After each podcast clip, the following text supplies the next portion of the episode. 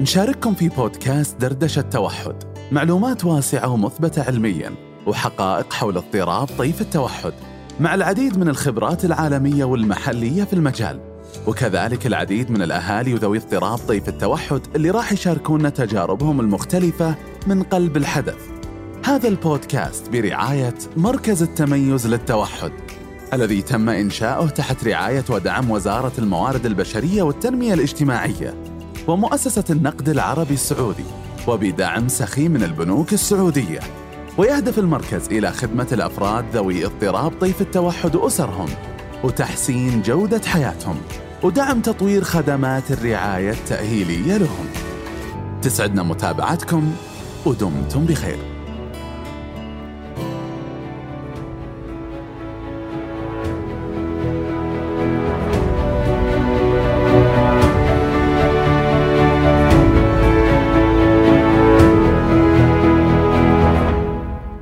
بكم يا أصدقاء.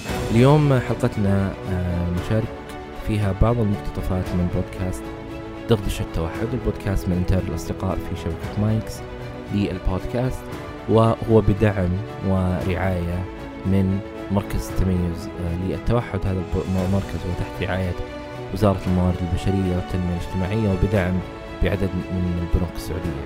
آه، يعني المركز يقدم خدماته لذوي الاضطراب ويساهم في موضوع الدراسات وأيضا يقدم بعض الخدمات للمختصين. أحد مبادراتهم السنة هذه هو آه، بودكاست تضش التوحد.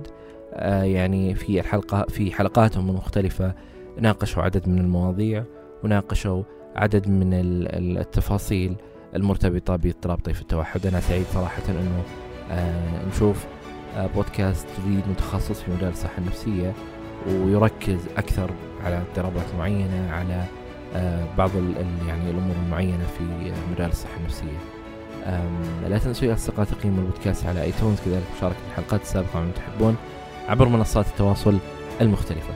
أي شخص حاب يشارك ربط معي هنا على البودكاست وجدان أتمنى منك أنك تتواصل معي على العنوان البريدي وهو أسامة at وجدان dot com. آه وأي شخص حاب يدعم بودكاست وجدان بشكل مادي عبر منصة Patreon بإمكانك دعمنا آه، وتجد رابط الدعم آه، في وصف هذه الحلقة. وشكرا لكم. أنا أسامة جيفان وهذا وجدان. آه، أول شيء حابين نعرف كيف حسيتي أنه نمو بنتك غادة مختلف أو مهاراتها متأخرة؟ ممكن إذا كان في أفراد حولها بالعائلة قريبين لعمرها وكيف تم تشخيصها بالتوحد؟ آه في البداية هي آه بنتي كانت مولودة في الشهر السادس خديج. أيوة. فجلست في العناية تقريبا خمسة شهور. م. بعدين طلعت آه بالأكسجين على البيت وكبرت بشكل مرة طبيعي. كل شيء كان طبيعي حتى الكلام والتفاعل الاجتماعي لحد ما صار عمرها سنتين ونص. أيوة. آه بعد كذا كنت أنا أشتغل الصباح فدخلتها نيرسري حضانة. بدت تفقد مهاراتها بالتدريج. آه، إحنا ما نعرف أي شيء عن التوحد يعني ما في أحد بالعيلة عنده عنده توحد فما ما في أي معلومات عن حلو. التوحد. ممتاز. فقدت مهاراتها بدت ما تتكلم سكتت فجأة. آه، بدت تلاحق النور. بدت لما تمسك شيء من الصباح آه، ما تفكه. ولأنها بالحضانة مع أطفال بعمرها شفنا الفرق بينها وبين الأطفال الثانيين.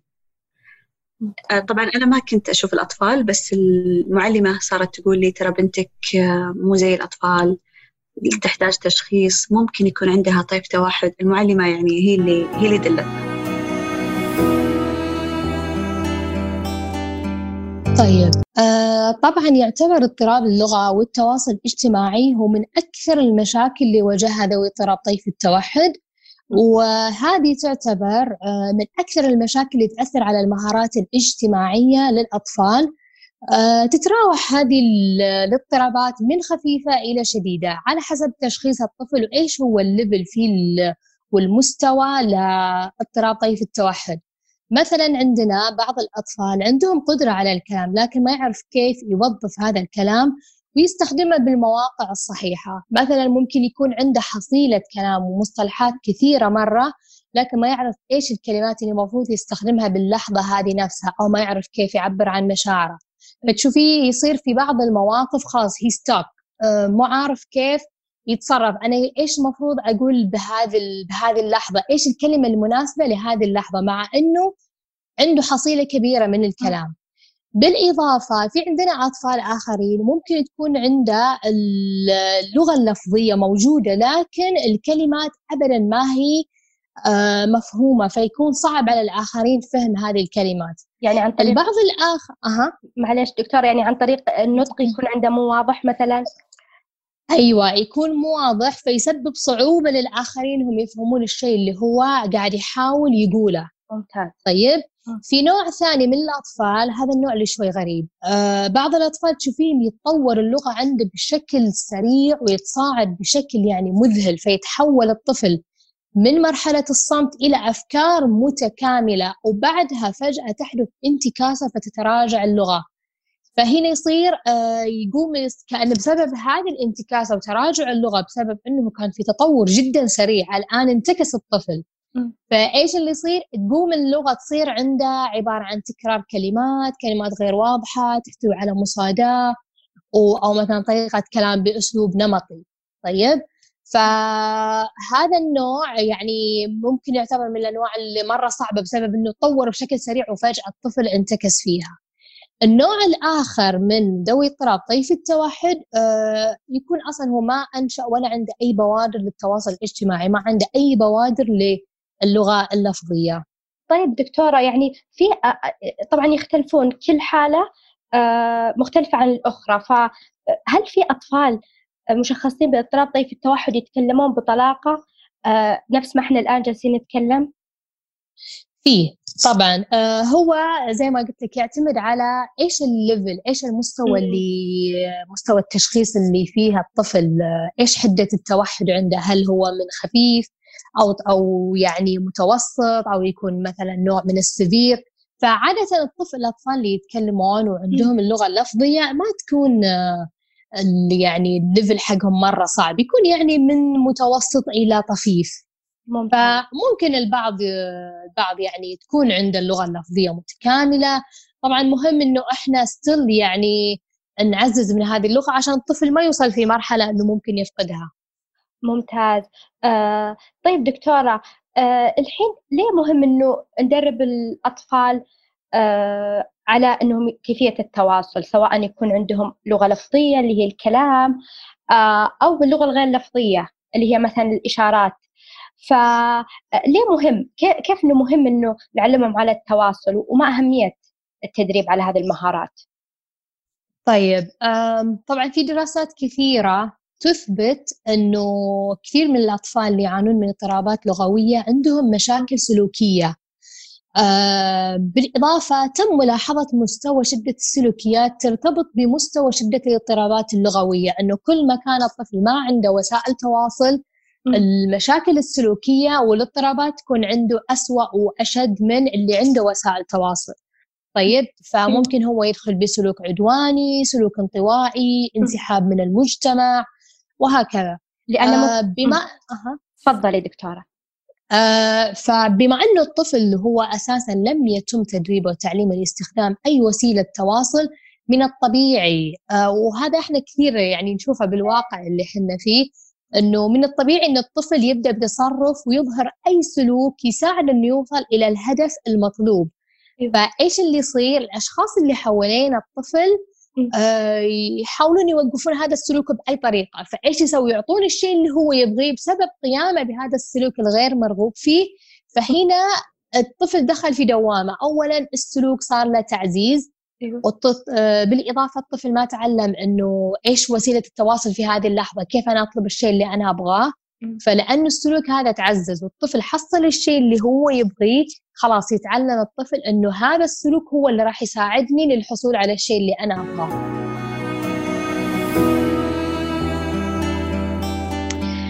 والله يا دكتورة رفيفة أعتقد أن الفكرة الأولى أن لازم الأهل يعرفوا ما هو التطور الطبيعي أصلا. يعني عند معرفة ما هو التطور الطبيعي حيكتشفوا أن صدق هذا التطور اللي يلقوه في طفلهم في لحظة ما قد يكون خارج عن الطبيعي فهذه النقطة الأولية الأساسية أنه لازم في يكون وعي أكثر من الأهالي آه، على موضوع التطور وبدون ما نعرف ما هو طبيعي ما بنعرف إيش الخارج عن الطبيعي صح ولا لا؟ صادقة أحيانا دكتورة هم يقارنونه بالأطفال اللي بعمره مثلا ولد أختها ولد أخوها هو تكلم صحيح. ولدي ما تكلم هنا في, صحيح. في مجتمعاتنا مزبوط وهذا شيء شائع كثيرا كثيرا. ففي هالنقطة هذه أنا أحب أقول حاجتين مهمتين. الأول إن الأطفال بالعموم يتطوروا بشكل مختلف. كل طفل بيتطور بطريقة مختلفة. اللي يطلع له أسنان أول ولا يمشي إلا متأخر اللي يتكلم وما يمشي إلا يعني بوقت مختلف. إذا كل طفل حيتغير آه، تطوره عن الطفل الآخر. لكن بالعموم عندنا خطوط عريضة لآلاف الأطفال وتطوراتهم. فإذا كان الطفل خارج عن هالآلاف من الأطفال إذا يكون خارج عن الطبيعة وليس خارج عن الطبيعة لأن ولد جارهم مشى أسرع أو ولد أخوه مشى بطريقة مختلفة. نعم. طيب كيف يعرفون الأهل هذه الخطوط وال, وال... آه خلينا نقول مراحل النمائية نعم نعم. هو طبعا أنا بعد في نقطة نسيت أقولها أنه لازم الأهل آه، يتبعوا حدثهم بمعنى أنا حاسة أن طفلي في شيء صح ولا لا؟ صح. بعض الأحيان الناس يقول لك لا أنت موسوس وأنت شاك. فأنا بالعموم أقول إيش يضر إن أنا أستشير مختص؟ أستشير مختص وأسأله. وممكن أكون أنا صح كلامي ممكن ما يكون صح.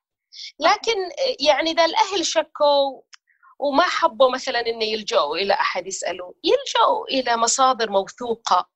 في مثلا النت نفسه تكون تتكلم عن تطور الأطفال تكون من مصدر موثوق كانت وزارة الصحة أو مثلا يعني المصدر يكون كويس مو أي كلام.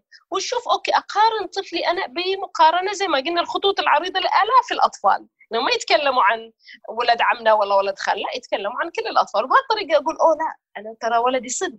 ما قال كلمة مثلا إلى الحين وهو عمره سنة ونص. أو مثلا آه، ما يمسك القلم بالطريقة اللي يتكلموا عنها على عمر ثلاث سنوات مثلا يعني. فلكن يتبعوا حدثهم في النهاية. لأن أنا حقيقة بتجربتي حدث الأهل معظم الأحيان يكون حقيقي. معظم الأحيان. قليلا نادرا ما يكون الأهل يكون عندهم يعني وسوسة زي ما يقولوا. بس بالعموم حدثهم حقيقي. وحل وعلى موضوع الخطوط العريضة ما الخطوط العريضة إحنا دائما نحاول نوعي الأهل لأن في علامات تحذيرية. إلى إلى يعني وجود خلل ما في التطور.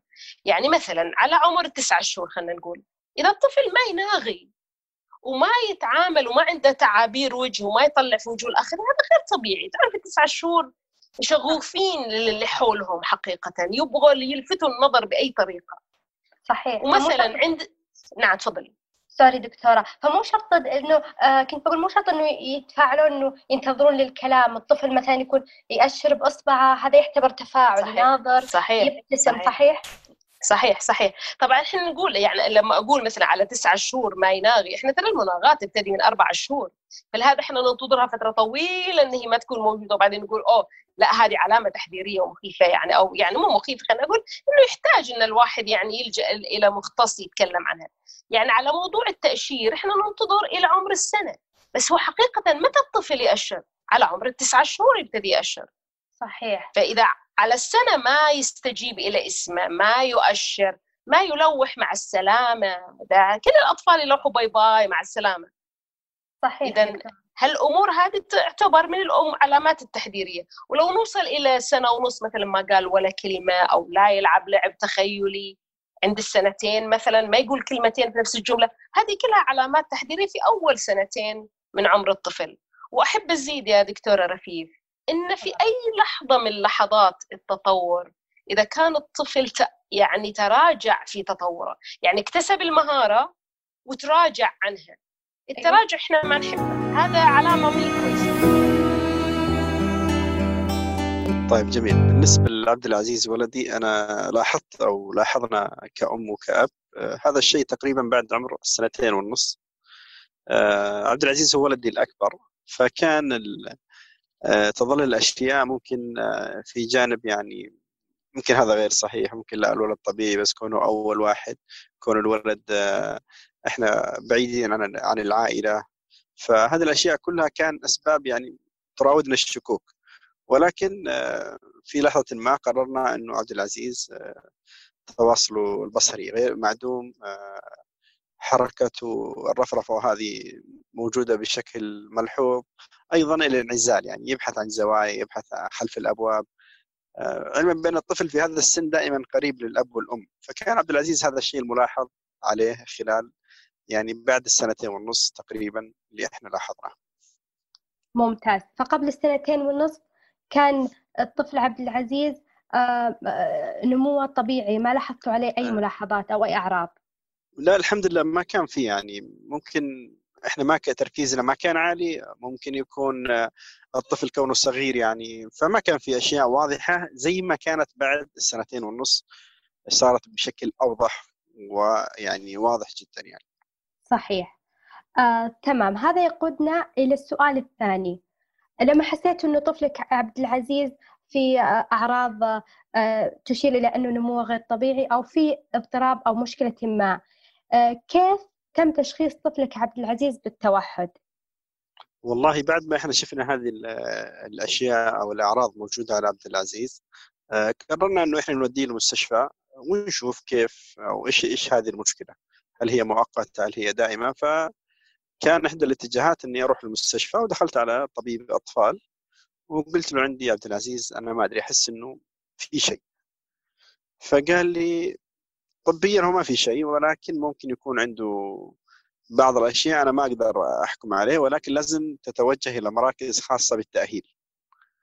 كيف التأهيل؟ قال في بعض الأخصائيين لهم آه، علاج وظيفي إلى آخره هذول هم الناس المختصون بهذا الجانب. فبحثت بحثت وجدت مركز أيضا كان قريب ولما رحت لهذا المركز آه، قلت لهم أنا عندي طفل كذا كذا فحددت موعد وجيت أنا والأم وتم تشخيص عبد العزيز أن عنده طيف آه، توحد وبحاجة إلى تدخل مبكر. قلت خير إن شاء الله أعطوني تقريركم وأعطوني التقرير. وأيضا ما ارتحت فرحت آه، فتحت له ملف المستشفى الجامعي. ممتاز. بداية بس خليني أرجع شوي على وراء. المركز آه، المركز التأهيلي كان يقدم خدمات التشخيص صحيح؟ جميل. وكان يقدم العلاج والتشخيص. ممتاز. كان يقدم العلاج والتشخيص صحيح. فايضا بعدها ما حبيت إني أركن على تقرير واحد. قلت يمكن لا زال أبغى أطمن أكثر. والحمد لله فتحت ملف المستشفى الملك خالد الجامعي بالرياض. وكان الدكتور خالد البطي والدكتورة فاطمة و... وكان عندهم اثنين أيضا من الأخصائيين. آه، حجزت موعد والحمد لله حتى الموعد كان بعيد بس الحمد لله ربي يسر وتم دخول عبد العزيز. وتم تشخيصه أيضا إنه عنده طيف توحد وبحاجة إلى تدخل مبكر. وبحاجة إنه كان أذكر إنهم صرفوا له اللي هو ريسبيدال ولكن كان ريسبيدال بالنسبة لي مخيف لأني قرأت عنه وكذا. فيمكن أذكر مرة واحدة بس استخدم عبد العزيز آه، ريسبيدال وبعدها أنا وقفته. وفعلا توجهت للمراكز. طبعا الدكتور التركي آه، قال لي في مراكز كذا كذا لأني قلت له أنا ما أعرف ولا أدري ولا وفعلا ما كنت ما كان في شيء واضح إنه في مراكز أو في أي حاجة. وفعلا دخلت مركز يعني يعتبر آه، الجيد جيد وليس الطموح ولكن شيء جيد. استمر يعني عبد العزيز فيه كان يداوم فترة مسائية السنة الأولى لأنه كان العدد كبير جدا في المركز. و تقريبا جلس أربع سنوات عبد العزيز في المركز هذا. وبعدها حولته إلى مركز آه، حكومي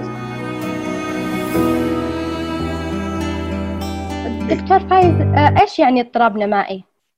طيب نيجي لما نيجي نتكلم ما هو الاضطراب النمائي آه زي ما إحنا عارفين جميع الأطفال أو جميع يعني آه الأطفال يمروا بمراحل نمائية أو جوانب نمائية على سبيل صحيح. المثال الجانب الحركي الجانب اللغوي الجانب الإدراكي هذه كلها هي جوانب نمائية فبالتالي الجانب التواصلي أيضا اللغوي المعرفي كل هذه تعتبر جوانب نمائية تنمو وتتطور وتتحسن مع النمو يعني مع مع العمر.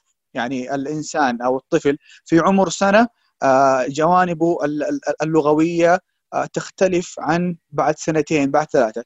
فبالتالي الأطفال أو ذوي اضطراب طيف التوحد لديهم مشاكل زي ما قلنا أو لديهم اضطراب في الجوانب النمائية سواء اللغوية التواصلية المعرفية الحركية وإلى آخره. فهذه هي الاضطراب يكون في أحد هذه الجوانب. أوكي يعني المراحل النمائية للطفل العادي تكون تختلف عن الطفل آه، آه، اللي فيه توحد صحيح؟ صحيح صحيح صحيح صحيح. الأطفال ذوي اضطراب طيف التوحد غالبا ما يعانون أو لديهم مشاكل أو قصور في الجوانب النمائية اللي هي ذكرناها على سبيل المثال الجانب اللغوي، الجانب المعرفي، الجانب الاجتماعي، الجانب الحركي آه وتختلف عن طبعا اللي هو النمو الطبيعي لباقي الأطفال. آه ممتاز، طيب دكتور دائما أسمع ناس كثير عندهم معلومة إنه اضطراب طيف التوحد هو النوع البسيط من التوحد لأنه طيف. ويقولون إنه كلمة التوحد معناتها هذا مثلا النوع الشديد أو النوع الأصعب. حدثنا أكثر عن الموضوع.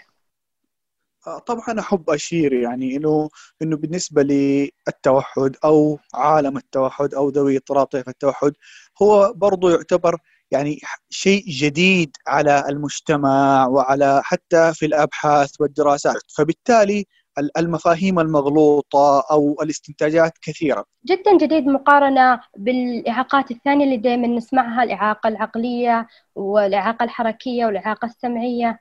نعم صحيح يعني جدا يعتبر حديث مقارنة بباقي الإعاقات التي ظهرت من آلاف السنوات. تمام؟ فبالتالي ظهور زي كذا بعض المصطلحات أو ظهور بعض المفاهيم المغلوطة هو شائع دائما في هذا المجال. بس عشان يعني أجيب يعني أجيب على استفسارك آه، طبعا يعني مجال التوحد يتم تحديثه دائما بشكل مستمر. يعني ممكن في اليوم الواحد تظهر أكثر من دراسة أكثر من تحديث آه، أكثر من أكثر من دليل فيما يخص. فبالتالي آه، يمكن المصطلح القديم كان اللي هو الأوتيزم أو التوحد لكن الآن آه، مع ظهور الدليل التشخيصي الجديد المحدث أصبح الآن أصبحت أو يعني تم تغيير المسمى إلى اللي هو اضطراب طيف التوحد والذي يعتبر كمظله ويشمل أيضا مجموعة من يعني مجموعة من بعض الأعراض ومجموعة من الاضطرابات الأخرى يغطي هذه المظلة فبالتالي الآن المصطلح الأساسي والرسمي والمعترف فيه اللي هو اضطراب طيف التوحد أو باللغة الإنجليزية اللي هو ال autism spectrum disorder وهو يغطي جميع الاضطرابات التي لها علاقة ب آه، يعني تشترك مع آه، اضطراب طيف التوحد في الأعراض والخصائص.